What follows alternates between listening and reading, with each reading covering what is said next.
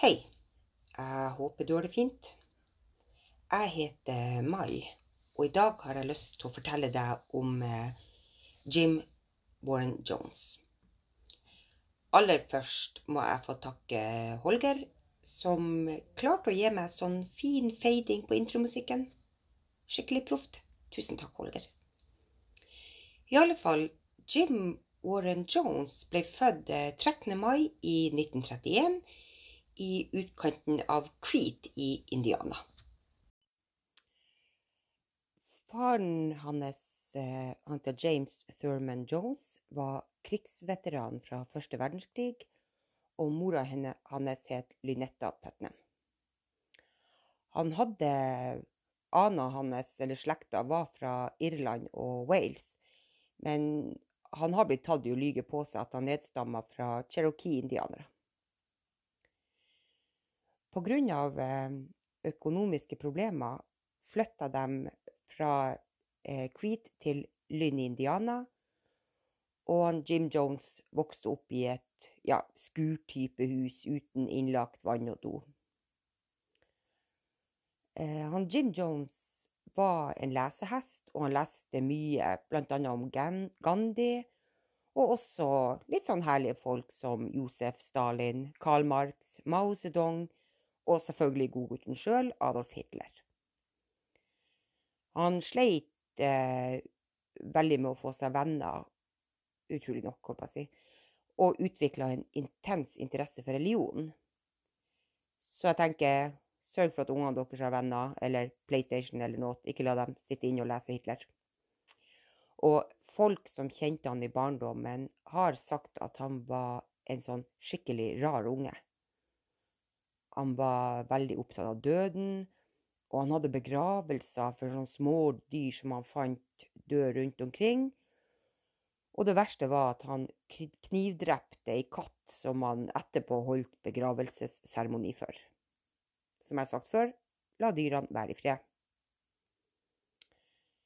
Faren til han Jim Jones var medlem av Ku Klux Klan, og det førte til mange krangler mellom far og sønn.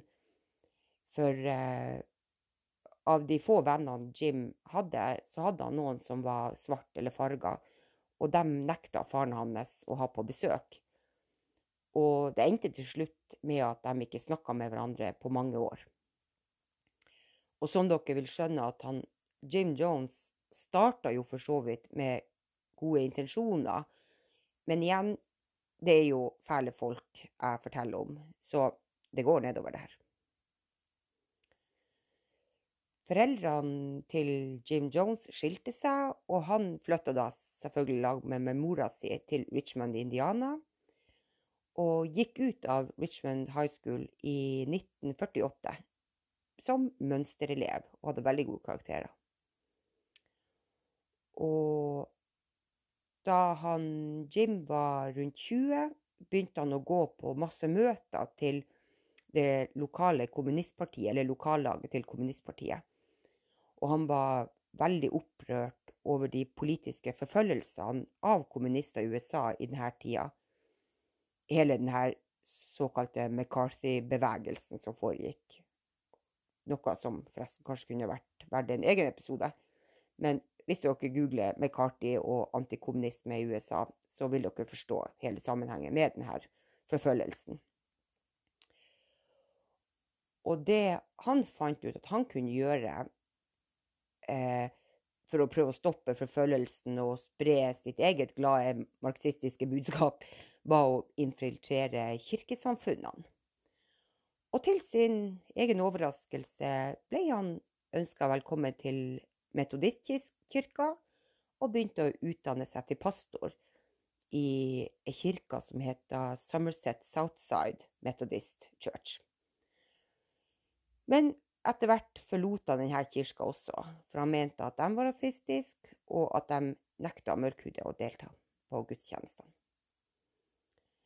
Eh, mens i den perioden hvor han enda studerte, så var han med på en gudstjeneste hvor de drev på mye med healing og sånn forbønn. Og, og så oppdaga han at det var jo her pengene lå. Og etter ei sånn samling med en veldig populær prest som heter William Branham, så klarte han Jim Jones å samle nok folk til å starte sitt eget lille religiøse samfunn. Eller kult, som det jo ble etter hvert. Og navnet på denne eh, gruppa hans eh, ble Vi ber dere holde dere fast. People's Temple Christian Church Full Gospel. Ja da. Jeg tror vi skal være glad for at det er i Norge mest kjent som Folkets tempel.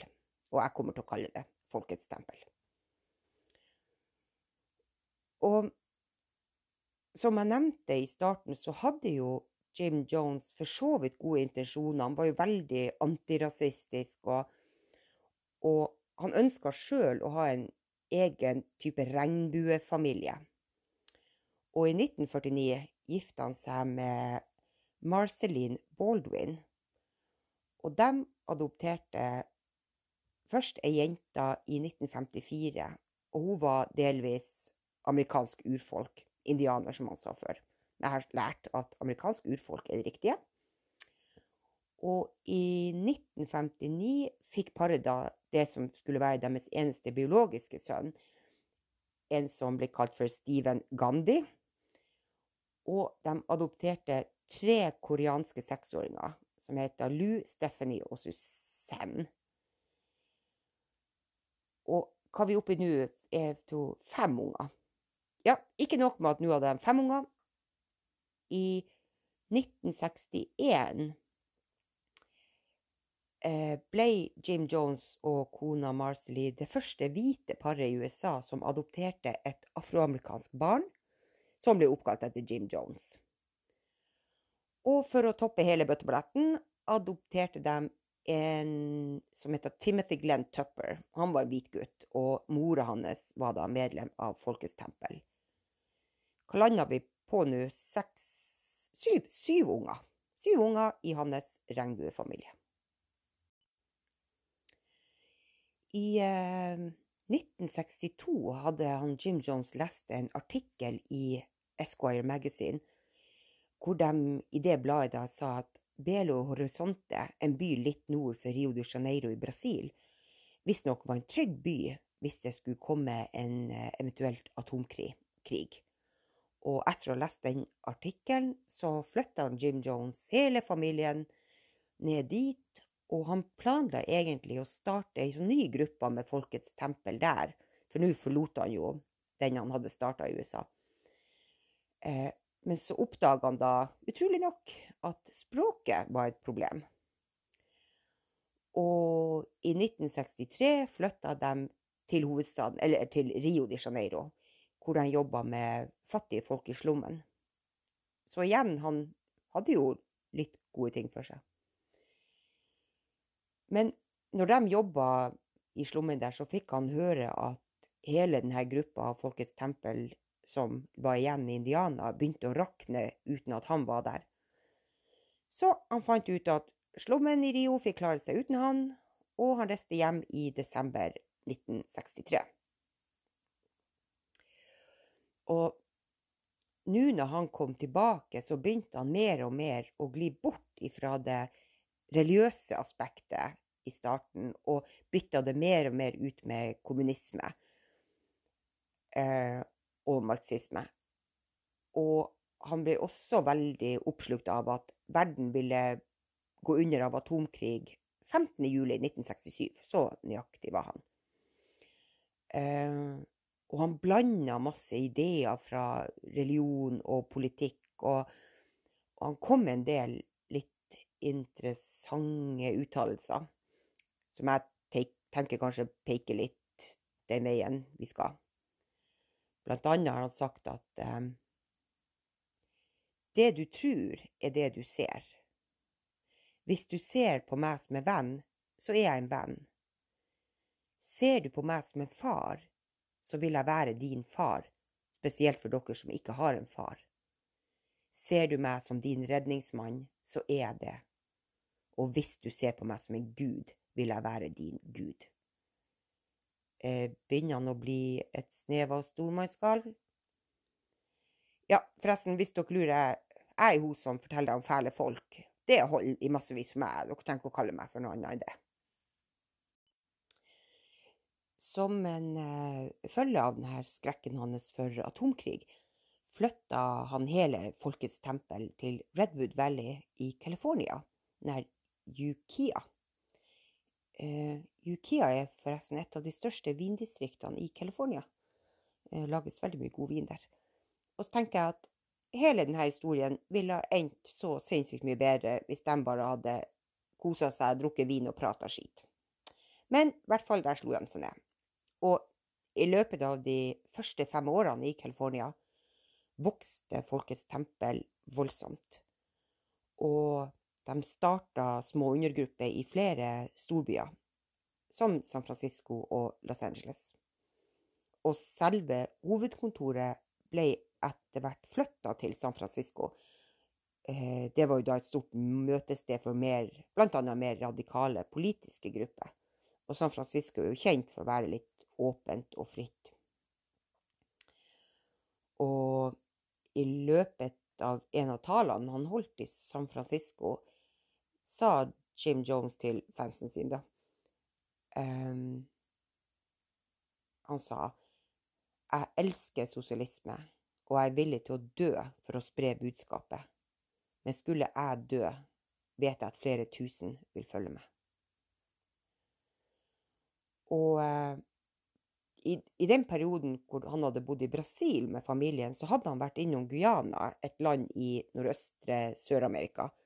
Eller Den kooperative republikk Guyana er jo det offisielle navnet. Og, og det har jo vært både nederlandsk og i ca. 20 år var det jo britisk koloni.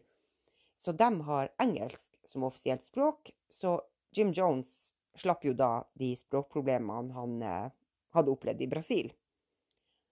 Så i 1977 bestemte Jim Jones at alle i Folkets tempel skulle bosette seg i jungelen i Guyana og lage sitt eget eh, paradis på jord. Og det skulle hete Jonestown, selvfølgelig. Eh, fyren som er nevnt, begynte jo å bli ganske stormannskall. Uh, hvis jeg begynner å planlegge en by som skal hete Maisund eller Maihaug eller noe, så kakk man noe i bakhodet. Please.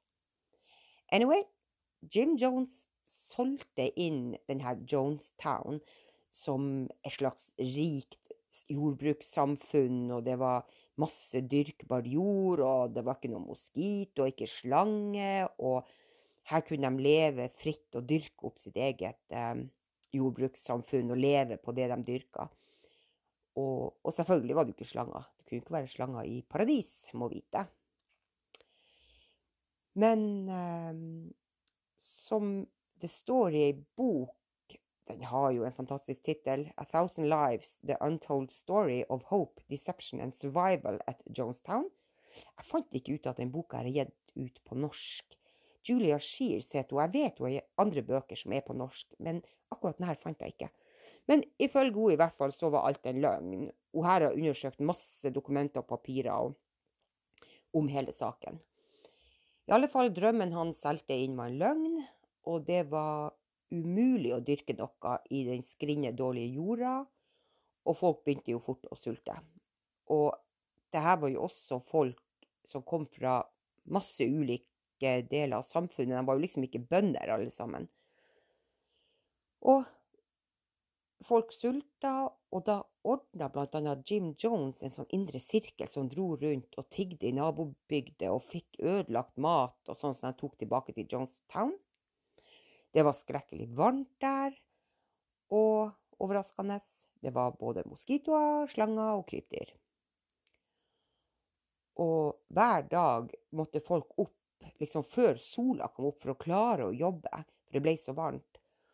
Og i perioder hvor det var mye tørke, så lagde de sånne lange rekker med folk, sånn at de sendte ei bøtte ikke sant, fra starten til neste til neste, sånn bøtte med vann, for å kunne vanne de her åkrene. Uh, Jim Jones mente at Jonestown da skulle være et type prakteksempel på at kommunismen var best, og at de som bodde der, var de reneste av verdens kommunister. Eh, men i der paradis og, og prakteksemplaret så tillot han jo heller ikke folk å fære derfra. Og det hele begynte mer og mer å ligne på en arbeidsleir. Etter hvert nå så mista Jones mer makt over folka, for nå han trengte jo ikke lenger nå å reise rundt og bruke energi på å rekruttere, og, eh, og byen dreiv jo på en måte seg sjøl på et vis. Og når han da ble mer unyttig, så ble jo folk rundt han mer og mer oppmerksom på at han hadde et betydelig narkotikaproblem. Og han påsto forresten også at alle folk egentlig var homofil. Han var visst den eneste mennesket som var eh, ekte heterofil. Så, så, han mente at hvis noen viste interesse for sex med partner av motsatt kjønn og sånn, var det løgn og en form for å skjule sin egentlige legning. Og egentlig han var veldig imot romantiske forhold, for da ville folk eh, tenke mer på det enn å jobbe. Men selvfølgelig han sjøl, sjøl om han var gift med Marcelin, han hadde flere seksuelle forhold til både mannlige og kvinnelige medlemmer. Og når vi da begynner å blande inn eh, narkotika og sex og alt, begynner selvfølgelig ting å rakne. En liten sånn eh, trigger eller utløser til det hele var at faktisk en liten gutt som heter John Victor Stowen. Da, mens Folkets tempel enda holdt til i California, eh, ble han her gutten født, og begge foreldrene var medlemmer i Folkets tempel. Faren han Tim var advokat for sekta, og Grace var mora Grace da var en av de som sto Jim Jones nærmest. Og da John Victor ble født, påsto han Jones at det var han som var faren, og etter press godtok Tim, den ordentlige faren, da, at Jones ble ført opp på papirene som faren til eh, John Victor. I 1976 forlot Grace Folkets tempel, og på grunn av frykt både for sitt eget og sønns sitt liv, lot hun gutten bli igjen hos han Jones. Og ifølge papirer var jo han faren. Og ett år etter at Grace forlot Folkets tempel, forlot også Tim, John Victor sin far, biologiske far, sekta. Og foreldrene gikk til rettssak og ville ha tilbake sønnen sin, naturlig nok. Men han var nå i Jonestown. De fikk eh, retten sin kjennelse til å kreve å få John Victor utlevert fra Guyana, men Jim Jones nekta. Og denne saken var veldig viktig for Jim Jones. Ikke sant? For hvis de kunne kreve å få han utlevert og sendt hjem, så kunne jo andre familiemedlemmer gjøre det samme. Eh, mødre som ikke fikk kontakt med døtrene sine, fedre som hadde mista sønnene. For det begynte å ryktes litt i USA at ikke alt var så utrolig rosenrødt i Jonestown, og familiemedlemmer fikk ikke kontakt med, med dem som var der. Og på grunn av hele denne saken og at det kom i retten, så valgte en, et kongressmedlem, eh, en demokrat som het Leo Ryan, han valgte i november 1978 å reise ned til Johnstown for å sjekke og undersøke denne ryktene og den informasjonen han hadde hørt om overgrep og menneskerettsbrudd i Johnstown. Og her Leo Ryan var kjent for å være en veldig type sånn hands on-politiker. Han hadde tidligere reist rundt i plasser for å undersøke eh, ting. Hvis noen sa at i den og den byen er det ja, f.eks. dårlige barnehjem, eller uansett, så reiste han dit sjøl. Og Han ble da landa med fly. Flyplassen var jo et stykke fra selve Jonestown, så han landa der med en, gruppe folk. Og ble, frakta, ble henta der og frakta til Jonestown i limousin. Og der ble han tatt imot av Jim Jones og av medlemmer som på forhånd var drilla i hva de skulle si. Det var sang og dans og tilsynelatende god stemning. Helt til en som heter Vernon Gosney, han skulle stikke en lapp, eller gi han Leo Ryan en lapp hvor han ba om hjelp. Hjelp til å komme seg vekk, og hjelp til å få med seg ett til medlem, ei som heter Monica Begby. Og denne lappen, i desperasjon, prøvde han å gi til Leo Ryan, men istedenfor så var det en av journalistene der som fikk tak i den, og så ble det her oppdaga. Og et av medlemmene av Folkets tempel, en som heter Don Sly, angrep da kongressmann Leo Ryan med kniv. Og det hele eskalerte veldig fort. Så Leo Ryan og de han hadde med seg, forlot Jonestown, tok limoen, kjørte derfra til flyplassen for å reise. Og de hadde med seg 15 medlemmer fra Folkets tempel som hadde trygla om å bli redda og tatt med hjem. Og når de flyene, når de dreiv på båda de her, de hadde to fly, litt mindre fly, når de var på vei til å både de flyene og gå om bord, oppdaga de at Jones sine bevæpna vakter hadde fulgt etter dem i lastebil, og de begynte å skyte mot dem. Eh, Leo Ryan ble drept. Og det samme ble fire andre, og mange ble skada. De andre som ble drept på flyplassen, var NBC-reporter som heter Don Harris, og også en kameramann fra NBC som heter Bob Brown. Eh, en fotograf for San Francisco Examiner som heter Greg Robinson, og Patricia, Patricia Parks, som var et eh, tempelmedlem som prøvde å flykte. Og, eh, og tilbake i Jonestown, når det her foregikk, så begynte da Jim Jones å sende ut de her fæle talene sine over høyttaler i byen. Mange av de her talene finner, finner man på nett, og, og, jeg har hørt på mye av dem. og Jeg må si de er helt for jævlig å høre på. Uh, og han sendte dem utover John, John, Jonestown da i høyttalere. Og, og, det var jo allerede veldig mye redsel og usikkerhet hos medlemmene. For de skjønte jo at det foregikk noe. Og nå oppfordra Jones alle til å nå gjennomføre det de var ment for, og som de var klar for. Og det var at alle måtte ta livet sitt. Alternativet var at myndighetene i Guyana ville komme og at alle dem som var imot det her kommunistiske paradiset deres, ville komme, også amerikanske soldater.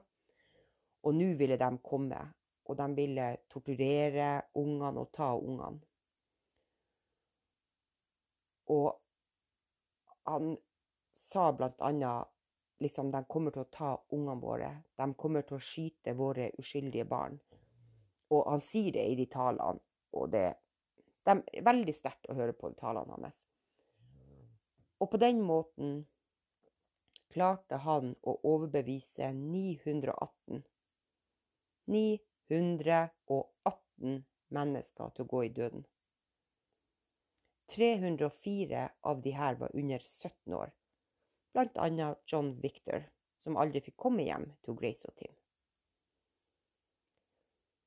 De hadde hjelperne, de nærmeste, og Jim Jones hadde lagd sånne store tønner fulle av en leskedrikk som het Flavor Aid. Eh, jeg må skyte inn etter den hele Jonestown og det her, så det er mange som refererer til å drink the Kool-Aid, at det er på en måte å følge alle andre. Men det var ikke Kool-Aid, må jeg si. Eh, men det var Flavor Aid, et litt billigere merke, som var en type saft. Så det var store tønner med den der safta, og den var full av cyanid, en gift. Og cyanid gir ikke en smertefri død. Den virker sånn at den hindrer kroppen til å ta til seg oksygen. Så det som skjer, er at du kveler sakte.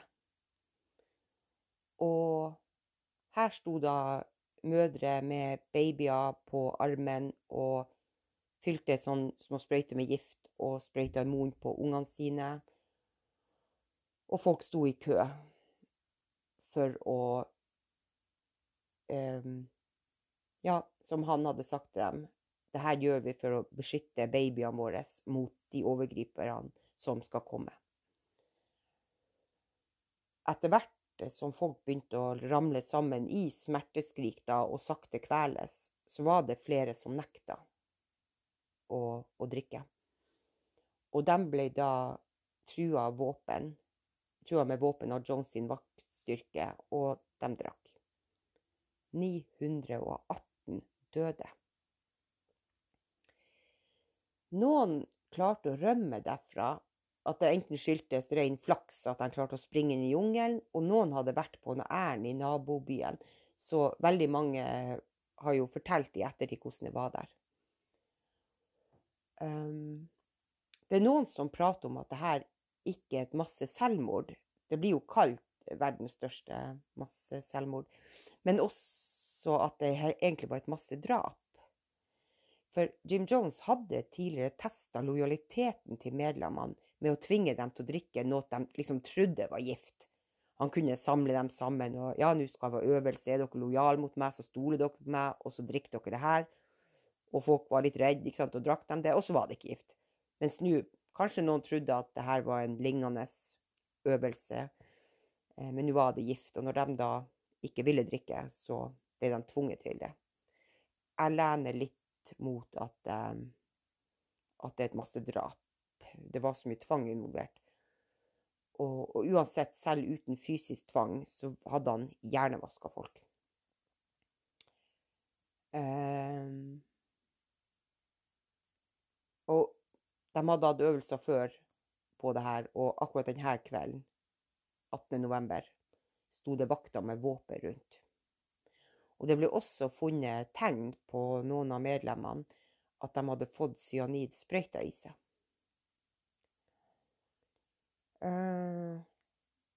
så kan man tenke Jim Jones, som skulle følges, han må jo også ha drukket av denne jævlige giften og dødd sakte og grusomt. Men nei da.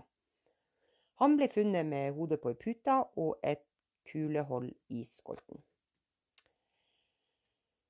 Så mye for å være en far og en redningsmann og en gud.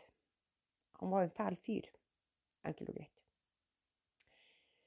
Det finnes masse info på nett om denne saken. Masse filmer, masse bilder. Se bilder av de 918 likene som lå strødd, som ble funnet. Det er forferdelig. Men er du interessert, så finnes det veldig mye bra dokumentar. I alle fall, fæl fyr. Ikke bli med i uh, kult, please. Ta vare på deg sjøl, men uh, husk at fæle folk fins.